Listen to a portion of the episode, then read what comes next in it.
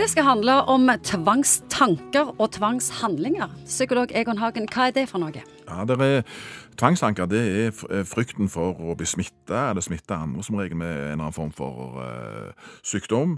Eller uh, at det skal skje noe annet forferdelig, sånn som at det kommer et brann eller innbrudd. og sånn som det. Uønska tanker?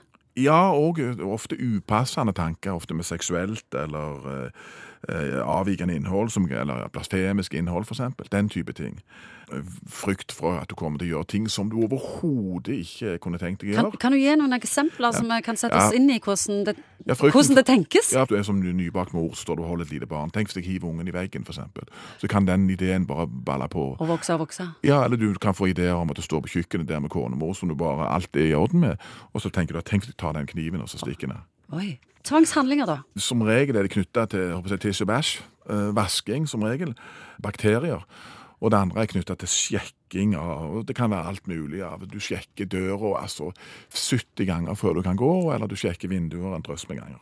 Jeg satt en gang på et utested, og så kommer det en mann inn, og så bare går han ei rute, og så tar han på ulike ting, og så går han igjen. Og det gjorde han hver dag. Ja. Hva er det? Det er Da har han et ritual eller en overdreven eller ganske uhensiktsmessig idé om hva som skaper orden og sammenheng eller symmetri i hans tilværelse. Og han har kanskje kommet inn i at dette må han gjøre for at alt skal gå bra, og at uh, irrasjonelt forsøk på å skape uh, struktur og orden i, i verden. Hvordan oppstår denne tvangen?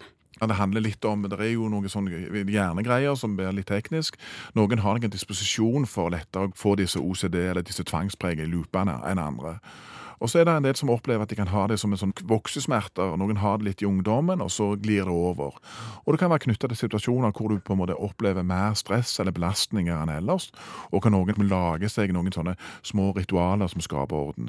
Og husk at mange har dette òg uten at man kaller det en lidelse. Mange har det om at de skal liksom gå sånn og sånn og sånn, og så lever de helt lykkelig med det, egentlig. Ja, jeg eh, sjekket at eh, 15-30% av befolkningen har tvangshandlinger og tanker i ulik grad. Eh, Sånn kanskje beskjeden grad. Men i alvorlig grad er det heldigvis bare 2-4 Ja. Henger det sammen med andre psykiske sykdommer? Ja, det henger, veldig ofte så er det det vi kan en depresjon under dette, fordi at symptomene oppleves ofte jeg-fremmende, for vedkommende vet at dette er bare helt håpløst, og de forstår ikke hvorfor de holder på med det, og etter hvert så tar det mer og mer tid.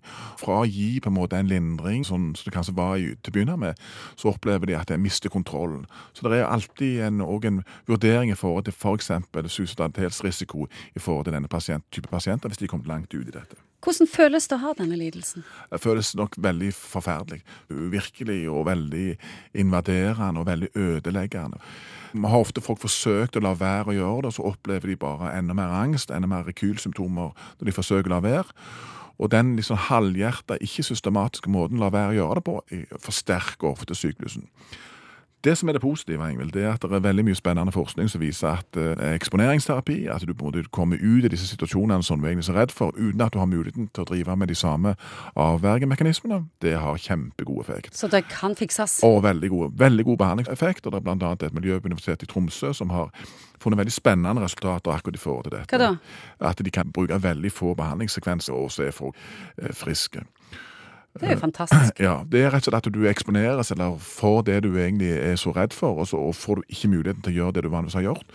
Og så oppdager du etter en stund at eh, angsten eller denne psykofysiologiske aktiveringen din avtar, og så kan du gradvis se at det går over. Jeg kan la være å gjøre det, og jeg overlever likevel.